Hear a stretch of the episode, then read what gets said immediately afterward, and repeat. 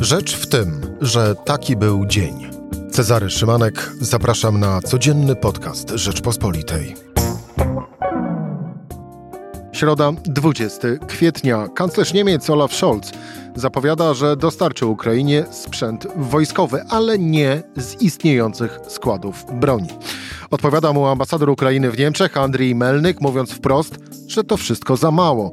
Scholz nie ma także łatwo z politykami partii koalicyjnych oraz mediami, którzy krytykują właściwie ramię w ramię rząd w Berlinie za zbyt małą pomoc Ukrainie. Dodajmy do tego jeszcze wyproszenie, mówiąc w cudzysłowie, prezydenta Franka Waltera Steinmeiera z Kijowa i właśnie, jak rozumieć postawę Niemiec w tych dniach? Wytłumaczy to, miejmy nadzieję, Jerzy Haszczyński już za chwilę. Rzecz w tym, że zapraszam Cezary Szymanek. Słuchaj na stronie podcasty.rp.pl. Włącz Rzecz w tym w serwisie streamingowym. Jerzy Haszczyński, szef działu zagranicznego Rzeczpospolita.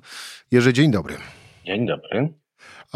Wróćmy do tych wczorajszych, bo to było wczoraj późnym popołudniem słów kanclerza Niemiec Olafa Scholza, który, no właśnie, wyszedł e, i powiedział, e, że dostarczymy broń Ukrainie. No tyle tylko, że e, nie z tego, co mamy, bo tego, co mamy, to mamy za mało.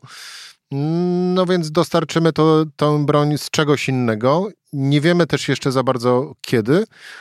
No i kilkanaście godzin później, a właściwie niespełna 24, bo dziś też późnym popołudniem rzeczniczka Ministerstwa Obrony Niemiec przekazała, że Szanowni Państwo, te dostawy to w sumie to nie jest tak, że ich nie ma, że one są, ale im ciszej o tym będziemy mówić, czyli właściwie nie będziemy mówić, tym będzie lepiej. Jerzy, czy Niemcy dostarczają broń Ukrainie? Proste pytanie. Dostali długą listę i z tej listy spełnili część oczekiwań. Dostali od Ukrainy, ale to nie jest pomoc taka, jakiej można by oczekiwać po najważniejszym państwie Unii Europejskiej, mm, prawie dwa miesiące po rozpoczęciu tej wojny. Co do wczorajszej konferencji kanclerza Scholza, y, nikt się jej nie spodziewał i nagle popołudniem gruchnęła wieść, że coś takiego będzie. I od razu podejrzenia, że kanclerz, który miesiąc temu mniej więcej y, zapowiadał wielki przełom, przełom w podejściu Berlina do Moskwy, czyli zakończenie myślenia w kategoriach takich, żeby tylko nie zdenerwować Putina, bo będziemy musieli z nim tak czy owak współpracować. Tak to powiedział mniej więcej miesiąc temu, ale ponieważ przez ten miesiąc supała mu się na głowę krytyka y, i wewnętrzna przez znaczną część dziennikarzy y, był krytykowany, a także zewnętrzna, w szczególności amerykańska. Już nie, nie będę mówił tutaj o tym regionie między Niemcami a Rosją, bo to oczywiste. I było podejrzenie, że on chce powiedzieć, że teraz to nie żartujemy, ten przełom naprawdę jest. Kluczył, kluczył, kluczył podczas konferencji, na którą się spóźnił kilkanaście minut no hasło rzecznika, czy są pytania. I pierwsze pytanie jest, ale co pan właściwie powiedział? Czy, czy to oznacza, że będą te czołgi niemieckie, czy nie będą wysłane na Ukrainę? I potem znowu kluczył, kluczył i do końca nikt nie, nie wie, czy będą, czy nie będą. E, ocena tych, którzy wcześniej byli krytyczni, jest jednoznaczna. Nie zmieniło się właściwie nic fundamentalnej zmiany w podejściu samego kanclerza Scholza do tego konfliktu nie ma. To nie znaczy, że nie ma go w ogóle w Niemczech, a nawet w samej koalicji, na której czele stoi Scholz. O tym e, za chwilę pozostańmy jeszcze przy osobie samego Scholza i wróćmy do czasów, właściwie do dni przed y, świętami Wielkiej Nocy, no bo wtedy kanclerz Olaf Scholz zapowiedział również przekazanie 2 miliardów e, euro na pomoc zbrojeniową Ukrainie. Tyle tylko, że no właśnie, i tu zacytuję e, dziennik Handelsblatt e, z Düsseldorfu, który napisze o tym e, tak, że w rzeczywistości ta zapowiedź nie jest niczym więcej niż figurą retoryczną. Owe 2 miliardy mają pochodzić z budżetu uzupełniającego, a zanim Bundestag zatwierdzi, upłyną tygodnie. To dużo czasu, którego Ukraina nie ma. Koniec cytatu. Przypomnę z dziennika Handelsblatt, który analizował ową y, zapowiedź y, Olafa Scholza. Jerzy, dlaczego są tylko same słowa, a brak jest czynów w wykonaniu Scholza? Czy to jest e, dalej pozostawanie w roli bycia zakładnikiem Ostpolitik? Na pewno jest zakładnikiem Ostpolitik, bo to jest dzieło, to nie oceniam tego ani pozytywnie, ani negatywnie. Używam słowa dzieło jako bez, bez określenia, czy to jest dobre, czy złe. Jest to dzieło jego partii, prawda? Już od czasów, kiedy myśmy tutaj się dusili w obozie radzieckim i ta Ostpolitik powodowała choćby to, że jak się Solidarność w Polsce zbuntowała, miliony ludzi, to SPD głównie y, dbała o to, żeby się nie zdenerwował mm, pierwszy sekretarz generalny Komunistycznej Partii Związku Radzieckiego, żeby żadnych nie było nieprzewidywalnych zmian, jakiegoś wichrzycielstwa wręcz. No to na tym z naszego punktu widzenia polegała Ospolityk w czasach, kiedy nie mieliśmy pełnej suwerenności. Potem Ospolityk, którą, która się rozprzestrzeniła na inne partie, właściwie stała się e, polityką e, klasy rządzącej niemieckiej, niezależnie od tego, z jakiej partii się wywodziła, polegała na tym, na takiej wierze, że, że Rosja, jak będzie się dla niej dobrym, będzie się z nią prowadziło świetne, mm, świetną współpracę gospodarczą, to ona się ucywilizuje, zmieni się, że to jest taki sposób Y, dobrego, bardziej cywilizowanego kraju, który wyciąga rękę do tych, którzy nie, się nie zmodernizowali, a modernizacja spowoduje, że to jest taki sam demokratyczny kraj z tej Rosji zrobi, jak każdy inny.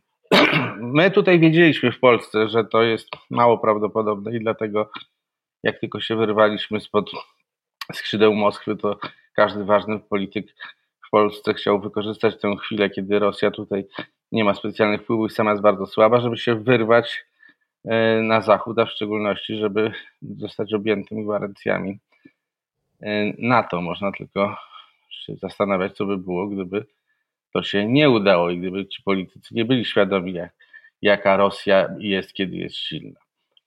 To tak w skrócie. Pozostając jeszcze przy owej e, Ostpolitik, no bo też, jeżeli jednak trudno odnieść wrażenie, że to przede wszystkim e, myśl w polityce międzynarodowej. Nie chciałem używać e, słowa ideologia, aby nie zostało źle odebrane, ale nazwijmy to kierunek działań w polityce międzynarodowej w wykonaniu e, Berlina, ale bardziej tak naprawdę, czego na przykład, nie wiem, takim namacalnym mm, przejawem jest chociażby postać byłego kanclerza Gerarda Schrödera, czyli no, za tym wszystkim po prostu idą pieniądze. Tak. Niezależnie od tego, jaka partia rządziła, chociaż tych rządzących w sensie głównych rządzących, to, to były tylko dwie. SPD na, na przemian, a czasami razem, w ostatnich latach to głównie razem z CDU, CSU, są pod mniejszym lub większym, ale tak naprawdę pod bardzo dużym wpływem mm, przemysłu, tak to ujmijmy, i Komisji wschodniej tego y, przemysłowców, przedsiębiorstw niemieckich, które mają takie podejście, że trzeba się związać y, z Rosją na, na wieki, choćby rurą, bo to jest korzystne dla, dla, i, i, dla, i dla gospodarki niemieckiej, a przez to także dla społeczności można, społeczeństwa i można utrzymać y, standard życia i to wszystkim dobrze robi. Teraz to się zawaliło i część polityków e, próbuje pokazać, że oni z tym nie mają nic wspólnego. Część rzeczywiście niewiele miała z tym wspólnego i, i, i mówi to otwarcie i naciska na, na zdecydowane zmiany. Tu mówię w szczególności o partii zielonych. Ale bardzo zabawnie to wygląda e, ta kłótnia między SPD a CDU, zrzucanie na siebie odpowiedzialności, kto jest bardziej winny za tę politykę ustępstw wobec e, Moskwy. Obserwowałem chyba wczoraj e, wymianę zdań na Twitterze między ważnymi politykami tych obu partii w najludniejszym landzie na terenie północnej Westfalii. Jednym z tych polityków był były sekretarz generalny CDU Paul Cimiak, który zaatakował tam swojego rywala z SPD, zarzucając mu, że on się domagał tego, żeby żeby Sputnik, Sputnika, rosyjską szczepionkę w Niemczech produkować, rozpowszechniać i że to jest hańba, skandal, a na to były odpowiedzi, że w CDU, się w CSU były dokładnie takie same pomysły. Potem się pojawiały inne zarzuty, a wyście to robili dla Rosji, tu wasz polityk się sfotografował z, z Putinem, tam jakiś polityk CDU, premier Saksonii czekał w pokoiku na przyjęcie przez Putina jak jakiś urzędnik powiatowy. No bardzo śmiesznie to wygląda. Widać, że czują, że społeczeństwo będzie rozliczało i każdy by chciał uniknąć tej odpowiedzialności. No właśnie, bo tak naprawdę społeczeństwo pewnie już za, za chwilę, ale w pierwszej kolejności rozliczają, co chyba też dla niemieckiej klasy politycznej było lekko niespodziewane, czyli media. E, ale to e, tu jeszcze, za momencik, bo pozostańmy przy owych zakładnikach, a mianowicie czego zakładnikiem jest Scholz, ale nie tylko Scholz, ale również niemieccy politycy. No bo druga, yy, druga rzecz, która przychodzi, przychodzi do głowy, to bycie zakładnikiem yy, tego podejścia, że od czasu zakończenia II wojny światowej Niemcy nie mieszają się do żadnej wojny. Czy to ma jakiekolwiek w tej chwili znaczenie w Berlinie? No po pierwsze to już jest dawno nieprawda, bo się zamieszali w wojnę jugosłowiańską, szeroko tak ujmę, czyli wzięli udział w bombardowaniach e, Serbii. To, to było już 20 lat temu, na dodatek wtedy kanclerzem był Schroeder, przypominam.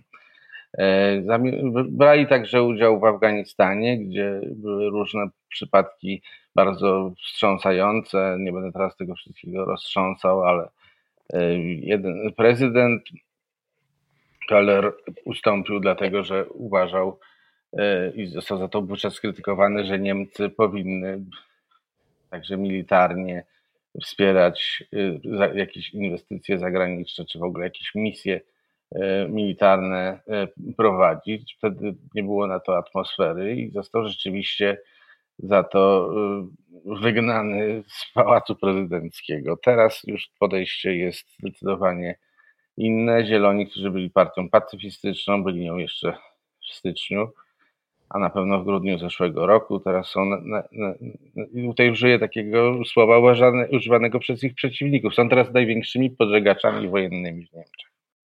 No właśnie, a propos przeciwników, yy, czyli AfD, to chyba tak naprawdę yy, jedyna partia na yy, niemieckiej scenie politycznej, która cieszy się z tego, co dzieje się wokół Scholza i wokół, i wokół rządzącej koalicji w Niemczech.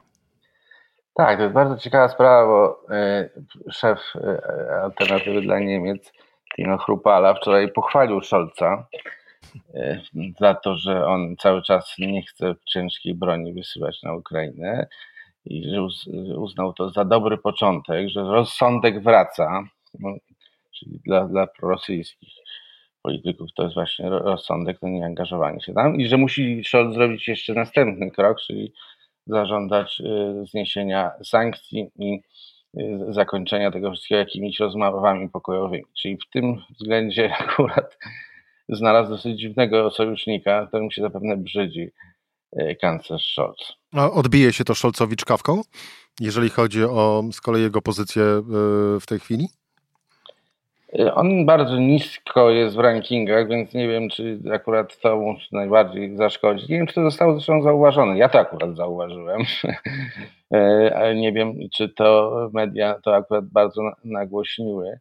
Ale tu jedną rzecz chciałem sprostować co do mediów niemieckich. Może nie sprostować, ale sprecyzować. To nie jest tak, że media niemieckie nie krytykowały prorosyjskiej polityki Niemiec. Krytykowały ją przynajmniej główne e, gazety. Nie wiem, jak to jest z telewizjami, nie mam do nich, do nich e, dostępu na, na stałe. Natomiast główne media, pras, główna, główne tytuły prasowe od dawna krytykowały to, że, że Niemcy nie reagują na to, że Putin usuwa przeciwników politycznych. To już zaczęło się od sprawy Anny Politkowskiej kilkanaście lat, lat temu. Potem w bliższych czasach sprawa Nawalnego, wtedy właściwie wszystkie media, wszystkie ważniejsze gazety krzyczały, że to już przekroczył czerwoną linię Putin i trzeba na, przystąpić do kontrataku i sankcje muszą być bardzo, bardzo mocne. Ale politycy przeczekali to.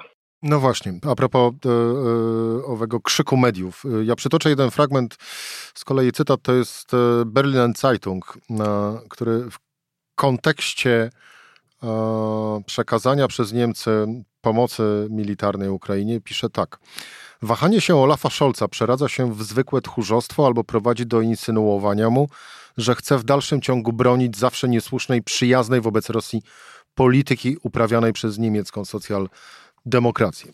Koniec y, cytatu. I jeszcze jeden, ten z kolei y, dotyczył, dotyczył tego, że Frank-Walter Steinmeier, czyli prezydent Niemiec, nie pojawił się jednak e, w Kijowie. E, został, e, mówiąc delikatnie, wyproszony.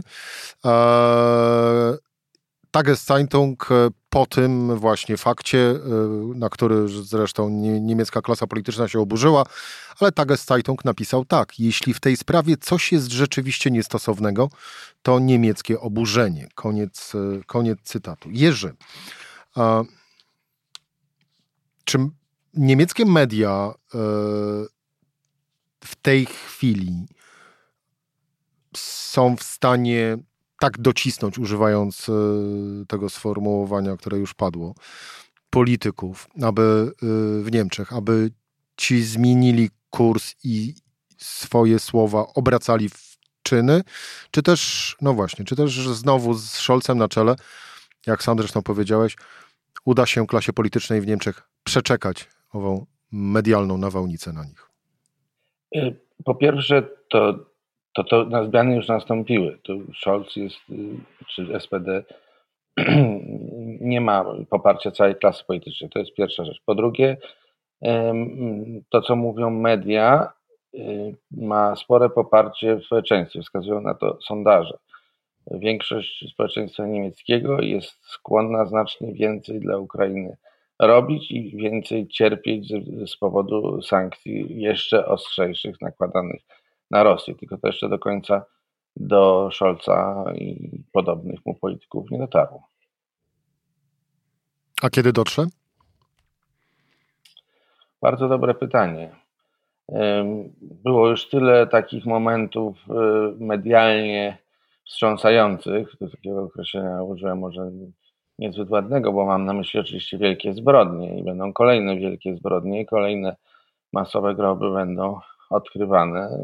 Nie wiem, który moment będzie decydujący i no właśnie, naprawdę nadejdzie. No właśnie, bo tak naprawdę to Ukraina nie ma czasu, e, a, a Scholz może go mieć tyle, ile chce, tyle tylko, że w tej chwili czas tak naprawdę mierzymy patrząc na zegarki mieszkańców Buczy na przykład, albo i innych miast e, w Ukrainie. Pola, prawda, to na pewno. Pola, tak, innych miast w Ukrainie, a nie tymi, które, które trzymają, e, mają na swoich nadgarstkach e, politycy, szczególnie socjaldemokracji w, w Berlinie. Jeżeli spróbujmy to podsumować. Jakby ktoś właśnie czytając tu doniesienia o tych niemieckich wahaniach się do, do, do, a propos dostawy broni, e, o tylko i wyłącznie o słowach, o niewpuszczeniu Steinmeiera e, do, do, do, do Kijowa. Mm, jakby ktoś cię na, spotkał na ulicy i zapytał, panie, panie Jerzy, panie redaktorze, ale pan mi tak w dwóch zdaniach wytłumaczy, dlaczego Niemcy tak się zachowują? Byłbyś w stanie?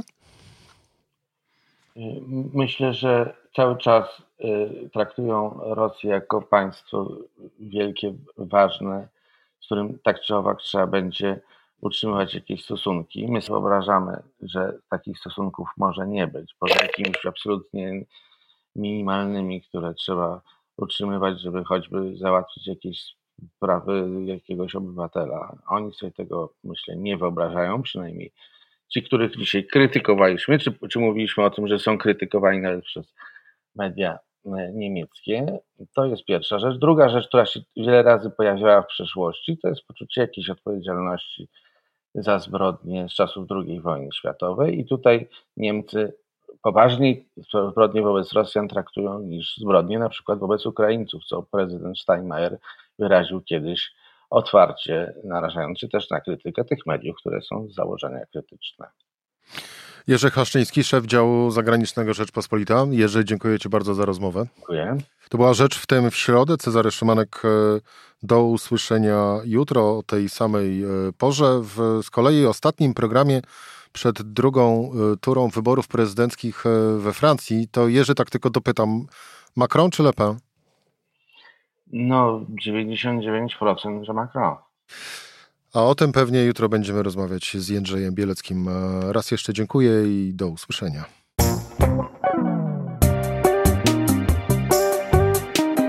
Rzecz w tym to codzienny program Rzeczpospolitej. Od poniedziałku do czwartku o godzinie 17. Słuchaj na stronie podcasty.rp.pl. Włącz Rzecz w tym w serwisie streamingowym.